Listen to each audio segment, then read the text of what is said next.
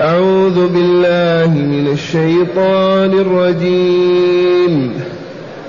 هل أنبئكم على من تنزل الشياطين؟ تنزل على كل أفاك أثيم. يلقون السمع وأكثرهم كاذبون. والشعراء يتبعهم الغاوون. ألم تر أنهم في كل واد يهيمون؟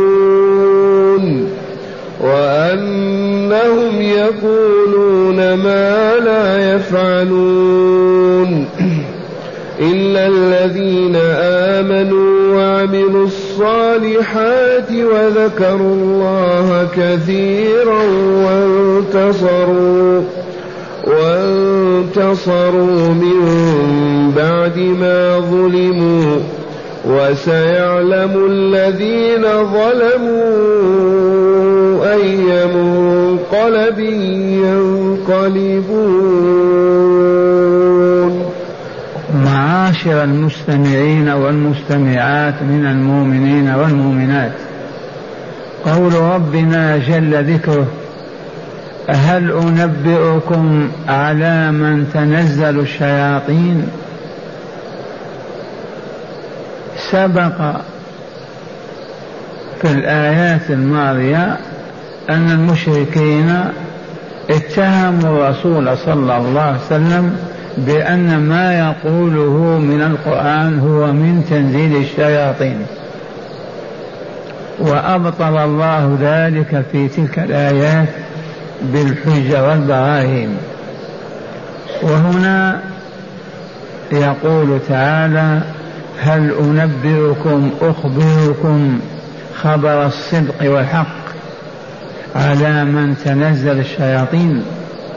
تنزل والأصل تتنزل حذفت التاء للتخفيف. تتنزل الشياطين على كل أفاك أثيم. الأفاك الكذاب الذي يأفك الكذب يقلبه كأن يقول في الرجل الصالح فاسد كأن يقول في الخير شر كأن يقول في الباطل حق. يعكف يرد الشيء إلى نقيضه هذا الأفاك والعياذ بالله الذي يكذب الكذب المقلوب والآثيم الغارق في الإثم ما خرج منه والإثم كل كلمة من شأنها أن تسود القلب وتعفنه. الإثم كل معصية لله ولرسوله يقال فيها إثم. وهي تفسد القلب الإنساني وتلطخه بأوضار الذنوب والآثام. فيعمى الرجل ويصبح لا يميز ولا يعرف بين الحق والباطل كالكافرين والمشركين. أبطل دعواهم ثم أخبر أنه أي أي الإثم أي, أي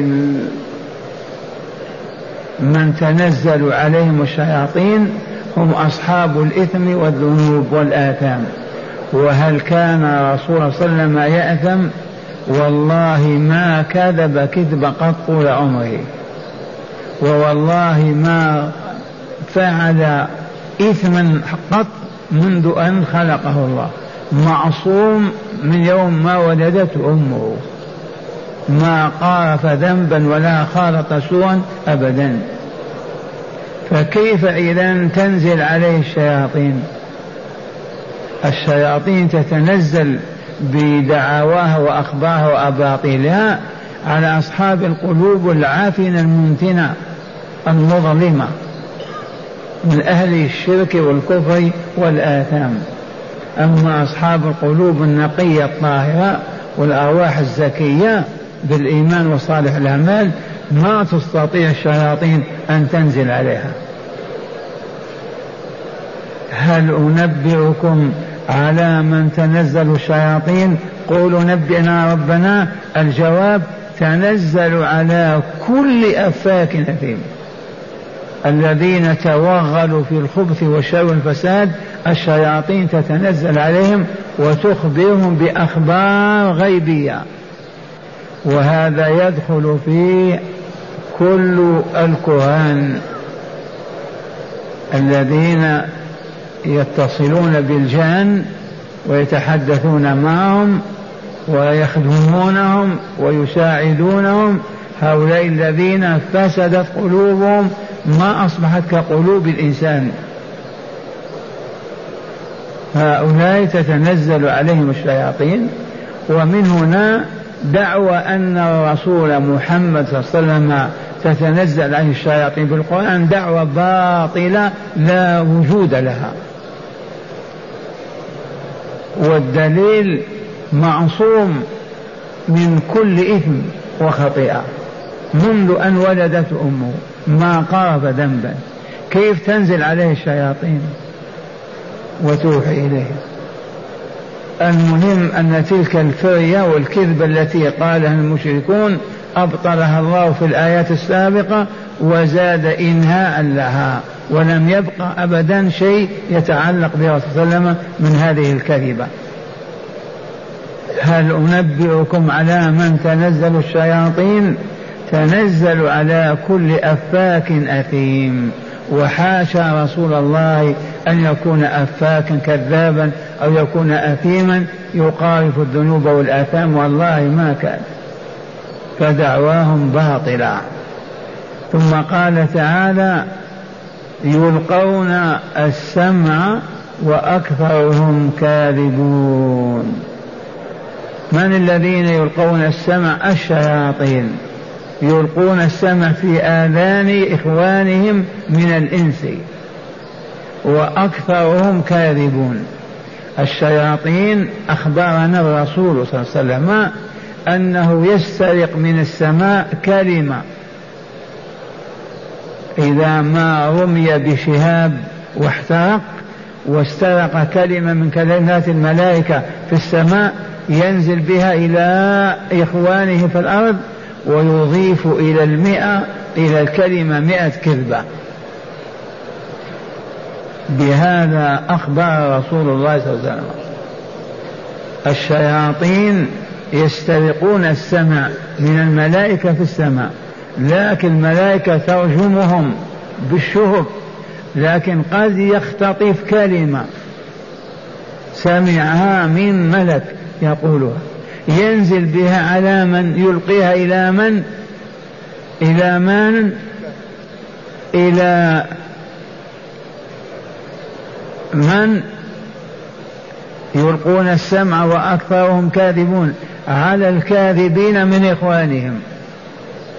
وهم الكهان الذين يدعون أن الجن تخبرهم وأنهم يتحكمون في الجن ويطلب منها كذا وتعطيهم كذا وهي أباطيل.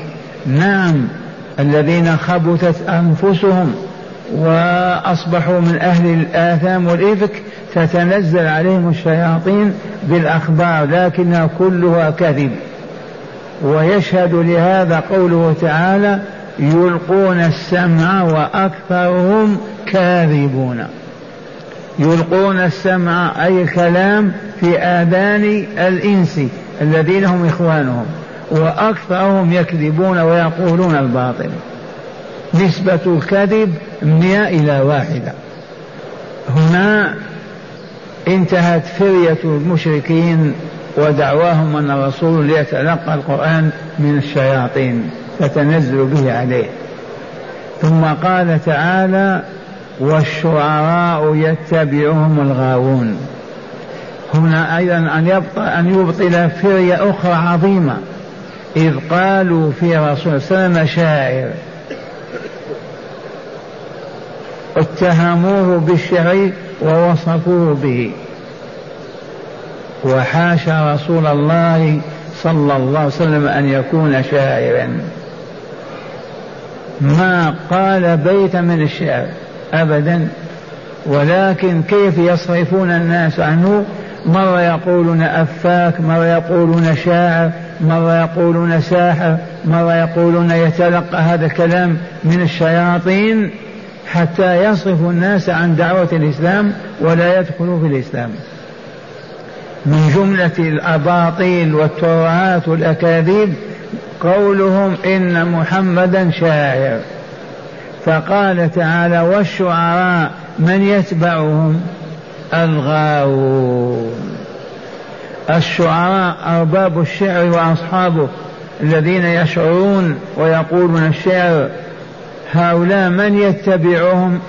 الغاوون أهل الغي والفساد والكذب والزنا والخمر وما إلى ذلك. والحقيقة باقية إلى اليوم. الشعراء من يجري وراءهم من يقدسهم من يحبهم من يقول بهم الغاوون. من هم الغاوون؟ الفاسدون.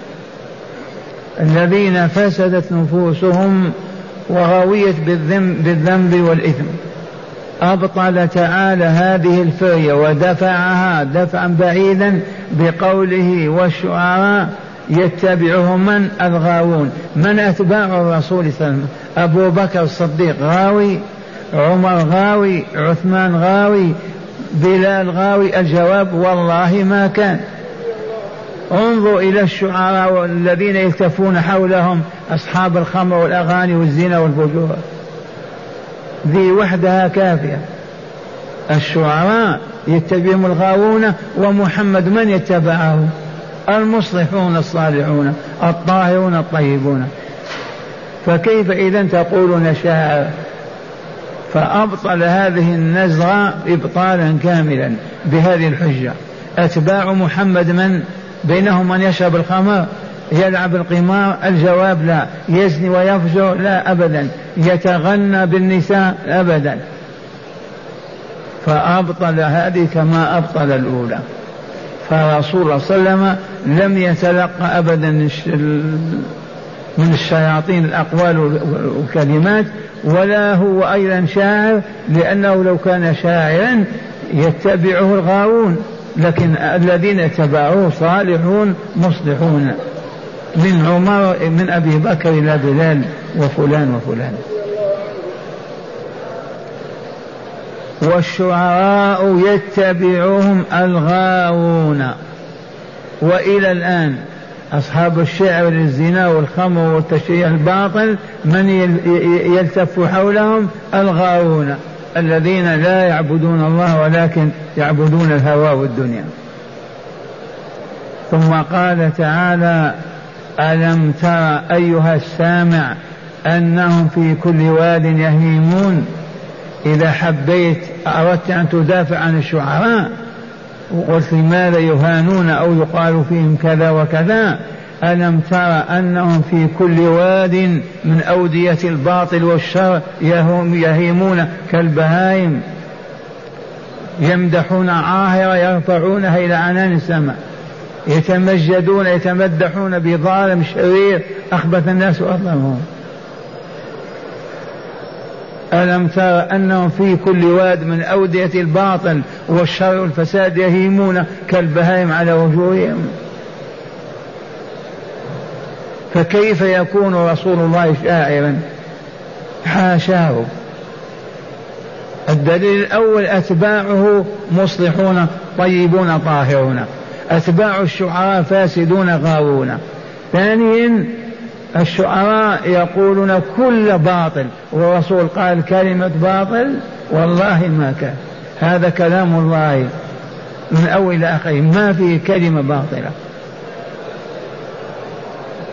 ألم تر ألم ينتهي إلى علمك أنهم في كل واد يهيمون وأنهم يقولون ما لا يفعلون. الشعراء يقولون في شعرهم ما لا يفعلون. الشعراء جمع شاعر الذي ينظم الكلام بقواعد خاصة عندهم وأنظمة خاصة بالشعر. فهل رسول الله صلى الله عليه وسلم وكلامه من كلام الشعراء؟ وأنهم يقولون ما لا يفعلون. يتبجحون وينطقون بكذا ويمجحون وهم ما يفعلون شيئا. هنا جاء كعب بن مالك وحسان بن ثابت وعبد الله بن رواحة جاءوا إلى رسول الله إلى رسول الله صلى الله عليه وسلم يبكون. وهم من أفاضل الشعراء وكابرهم. كانوا يدافعون عن رسول صلى الله عليه وسلم. جاءوا يبكون ما يبكيكم؟ قالوا نزل في القرآن فينا. والشعراء يتبعهم الغاوون ألم تر أنهم في كل واد يهيمون وأنهم يقولون ما لا يفعلون؟ فقرأ عليهم الرسول صلى الله عليه وسلم الآية إلا الذين آمنوا وعملوا الصالحات وذكروا الله كثيرا وانتصروا من بعد ما ظلموا فمن هنا الشعر إذا كان من باب نصرة الدين الإسلامي ودعاته وحماته لا بأس. إذا كان في نظم الحكم والعلوم والمعارف لا بأس مشروع. إذا كان في الدفاع عن الحق وأهله لا بأس. وما عدا ذلك فهو باطل. وهاهذا أبو سفيان يهجو رسول الله صلى الله عليه وسلم في شعر. فرد عليه حسان بن ثابت ما تسمعون. قال له هجوت محمدا فأجبت عنه وعند الله في ذلك الجزاء. فإن أبي ووالدتي وعرضي لعرض محمد منكم وقاء وقاء. أتشتمه ولست له بكفء فشركما لخيركم الفداء. لساني صارم لا عيب فيه ويجري لن وبحري لانكداره وبحري لا تكدره الدلاء. أعيد الأبيات مرة ثانية تأملوها يقول حسان بن ثابت يدافع عن رسول الله صلى الله عليه وسلم هجوت محمدا فأحب فأجبت عنه وعند الله في ذلك الجزاء. فإن, أب فإن أبي ووالدتي وعرضي لعرض محمد منكم وقاء. أتشتمه ولست له بكفء فشركما لخيركم الفداء. لساني صارم لا عيب فيه وبحري لا تكدره الدلاء. ونعود إلى تقرير هذه الحقيقة. الشعر منه المذموم والشعر منه المحمود. ما كان من أجل الزنا والعهر والربا والخمر والباطل والتمدح بالكذب ومدح الأشخاص هذا حرام ولا يصح من المؤمنين. وما كان لنظم الحكم والعلم والمعرفة أو للدفاع عن الإسلام عن رسول الإسلام عن علماء المسلمين فهو محمود ولا بأس به. والله أجازه في قوله إلا الذين آمنوا وعملوا الصالحات وذكروا الله كثيرا وانتصروا من بعد ما ظلموا. هؤلاء شعرهم محمدون وهم مقربون ومحمودون. كم صفة لهم؟ آمنوا وعملوا الصالحات وذكروا الله كثيرا وانتصروا من بعد ما ظلموا. كما انتصر حسان لرسول الله صلى الله عليه وسلم. والرسول يقول ارجوهم يا حسان. ارجوهم يا حسان. وقد برز في الدفاع عن الإسلام ورسول هؤلاء الثلاثة كعب بن مالك وحسان بن ثابت وعبد الله بن رواحه رضي الله عنهم وأرضاهم. وأخيرا يختم الله هذه الصور بكل ما فيها ويقول وسيعلم الذين ظلموا أي منقلب ينقلبون. وسيعلم الذين ظلموا بالشرك والكفر وآذوا رسول الله وحاربوا دعوته ووقفوا في وجه المؤمنين والمسلمين يحاربونهم هؤلاء سيعلمون أي منقلب ينقلبونه يصبحون كالقردة والخنازير في جهنم. يصبحون شر الخلق. فنظروا إلى الله من الظلم والظالمين.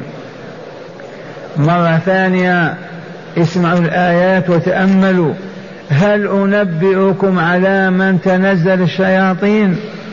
نبئنا يا ربنا. قال تنزل على كل أفاك نثيم والعياذ بالله نعوذ بالله أن نكون من الأفاكين الآثمين. من هو الأفاك الذي يقلب الكذبة الحق يقول فيه باطل والخير شر والخبث طهر هذا هو الأفاك. والآثيم المغموس في الذنوب والآثام. إذا تكلم بالإثم أكل آثم شرب آثم حياته كله إثم. هذا الآثيم والعياذ بالله. هذا الذي تتنزل عليه الشياطين. لما خبث وأصبحت نفسه منتنا لا علاقة لها بالملكوت الأعلى حينئذ الشياطين تجد مكان تنزل فيه لأنها خبيثة تنزل في الخبث. تنزل على كل أفاك أثيم يلقون السمع إلى من؟ إلى أوليائهم الكهنة والسحرة والدجالين. يلقون السمع إليهم. وأخذ الرسول في أذنه كما تقول الدجاجة. في والعياذ بالله. انتهى موضوع التدجيل والكذب والادعاء الباطل وأن الشياطين تتنزل على الرسول بالقرآن. جاء أمر ثاني قال تعالى والشعراء يتبعهم الغاوون. أبطل الفرية الأولى وأن الرسول ليس بشيطان ولا يتلقى عن الشياطين ولا تتنزل عليه الشياطين.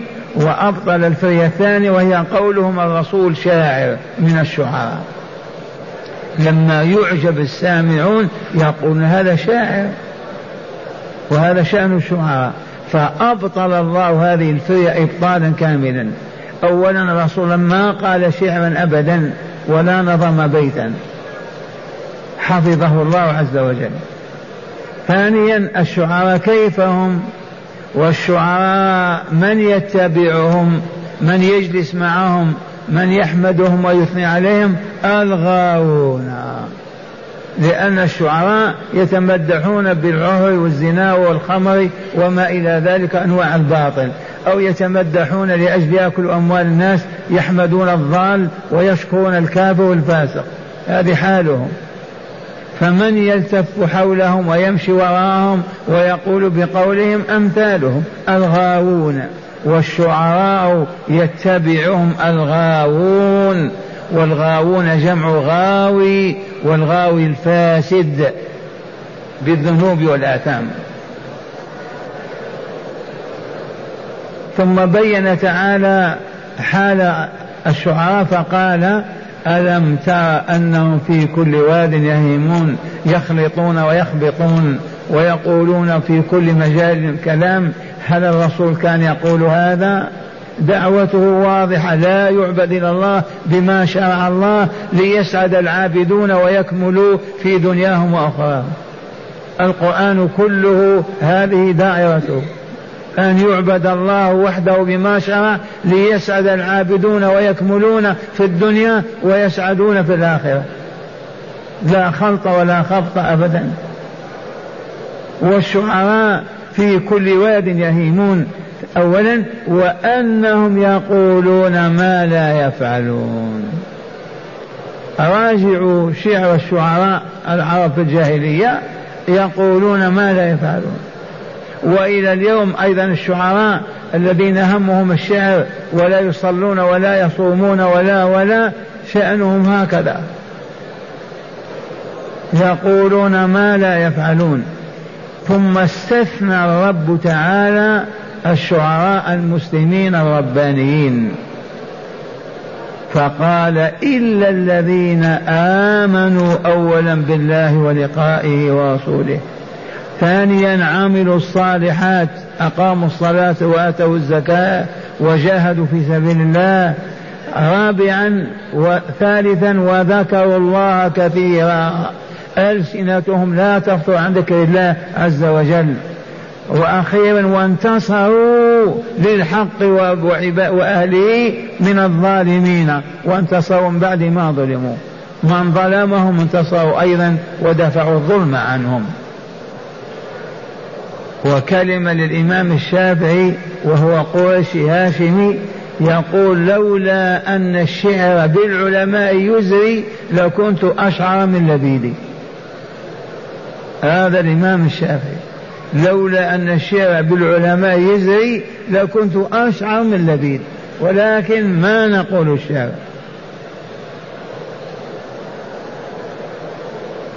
فأبطل الله عز وجل الفريتين. ما رسول الله يتلقى الوحي عن الشياطين ولا رسول الله شاعر من الشعراء الكاذبين الذين يتبعهم الغاوون. ثم أذن لنا في الترخيص لا بأس أن تقول شعرا تدفع به عن الإسلام والمسلمين. أو تنظم قصيدة فيها حكم وعلما ومعرفة كسائر العلوم. ثم ختم الله هذه السورة بقوله وسيعلم الذين ظلموا سيعلمون بعد موتهم ما انتقج أرواحهم حتى يعرفوا حقيقتهم ومصيرهم. أي منقلب ينقلبون. والله لا يكون أسوأ من القردة والخنازير. فنبرأ إلى الله من الظلم وأهله. الآية تندد بالظلم وإلا لا. ما قال سيعلم الشعراء سيعلم الكذابين. كذا بل قال الظالمين. حتى لا يظلم مؤمن مؤمنة. وإليكم شرح الآيات من الكتاب مرة ثانية وتأملوها. لما بي لما ادعى المبطلون من مشرك قريش ادعوا ماذا؟ أن الرسول صلى الله عليه وسلم يتلقى من الشياطين كلامه ووحيه كما تتلقى الكهان منهم. رد تعالى عليهم هذا بقوله هل أنبئكم على من تنزل الشياطين؟ وأجاب عن السؤال قائلا تنزل على كل أفاك كذاب يقلب الكذب قلبا فيقول في الظالم عادل وفي الخبيث طيب وفي الفاسد صالح. هذا هو القلب. أثيم أي كثير الآثام إذ لم يترك جريمة إلا يقارفها ولا سيئة إلا يجترحها حتى. حتى يغرق في الإثم فهذا الذي تتحد معه الشياطين وتلتقي وتلقي إليه بما تسمعه من السماء لكونه مثلها في ظلمة النفس وخبث الروح وأما محمد صلى الله عليه وسلم فهو أبعد الناس عن الكذب والإثم. فلم يجرب عليه كذب قط ولم يعرف منه ذنب أبدا. فكيف إذا تتحد معه الشياطين وتخبره مستحيل هذا وتلقي إليه بخبر السماء؟ وبهذا بطلت التهمة وقوله تعالى يلقون السمع وأكثرهم كاذبون أي إن الشياطين قبل أن يحال بينهم وبين استراق السمع بإرصاد الشهوب لهم كانوا يلقون أسماعهم للحصول على يلقون أسماعهم للحصول على الخبر وأكثرهم كاذبون حيث يخلطون مع الكلمة التي سمعوها مئة كلمة. كلها كذب منهم والعياذ بالله. ويقولون ذلك الكذب ويلقون ذلك الكذب إلى إخوانهم في الكفر والخبث من كهنة الناس وسحاريهم. وقوله تعالى والشعراء يتبعهم الغاوون أي أهل الغواية والضلال. هم الذين يتبعون الشعراء. فيريدون في فيروون لهم أشعارهم وينقلون عنهم أخبارهم ويصدقونهم فيما يقولون. والدليل على ذلك أنهم أي الشعراء في كل واد من أودية الكلام وفنونه يهيمون أي على وجوههم ماضين في قلوب في قولهم فيمدحون ويذمون يهجون ويفخرون ويدعون أنهم فعلوا كذا وكذا وما فعلوا. فهل محمد صلى الله عليه وسلم الذي اتهمتموه بأنه شاعر وما يقوله من جنس الشعر وما يقوله من جنس الشعر أتباعه غافلون. أتباعه غاوون انظروا إليهم واسألوا عنهم فإنهم أهدى الناس وأبرهم فعلا وأصدقهم حديثا وأبعدهم عن الريبة فلو كان محمد شاعرا لكان أتباعه الغاوين. فهذا فهنا فبهذا بطلت الدعوة من أساسها. وقوله تعالى إلا الذين آمنوا وعملوا الصالحات وذكروا الله كثيرا وانتصروا من بعد ما ظلموا. إنه لما ذم الشعراء استثنى منهم أمثال عبد الله بن رواحة وحسان بن ثابت ممن آمنوا وعملوا الصالحات وانتصروا يردون هجاء المشركين لرسول الله صلى الله عليه وسلم يردون هجاء المشركين لرسول الله صلى الله عليه وسلم وينافحون عن الإسلام وأهله بشعرهم الصادق النقي الطاهر الوفي وقوله تعالى وسيعلم الذين ظلموا. ظلموا من؟ رسول الله صلى الله عليه وسلم باتهامهم له بالكهانة مرة وبالشعر مرة أخرى. وظلموا وظلموا الوحي الإلهي بوصفه بما هو بعيد عنه من الكهانة والشعر. أي منقلب ينقلبون أي مرجع يرجعون إليه إنه النار وبئس القرار والعياذ بالله الواحد القرار والآن مع هداية الآيات. بسم الله والحمد لله. من هداية هذه الآيات أولا إبطال فرية المشركين من أن القرآن من جنس ما يقوله الكهان. أولا إبطال ما ادعاه المشركون الظالمون من أن القرآن من جنس ما يقوله الشياطين وتلقيه على السحرة والكهنة. أبطل الله هذا إبطالا كاملا في الآية الأولى. وما تنزل به الشياطين وما ينبغي لهم وما يستطيعون. إنهم عن السمع لمعزولون. ثانيا إبطال أن الرسول صلى الله عليه وسلم كاهن وشاعر. ثانيا أبطلت الآيات دعوى المشركين من أن الرسول صلى الله عليه وسلم كان كاهنا كالكهان وكان شاعرا من جملة الشعراء. فأبطل الله هذه الفرية من أساسها. والله ما كان شاعرا ولا كان كاهنا. لكن انتزع هذا من صدور الضلال الهالكين. نعم. ثالثا بيان أن الشياطين تتحد مع ذوي الأرواح الخبيثة بالإفك والآثام. بيان أن الشياطين من الجن تتحد مع أصحاب النفوس الخبيثة والقلوب الميتة وتوحي إليهم وتتحدث معهم وتزين لهم الباطل. وذلك لي ماذا؟ لأنهم من جنس واحد.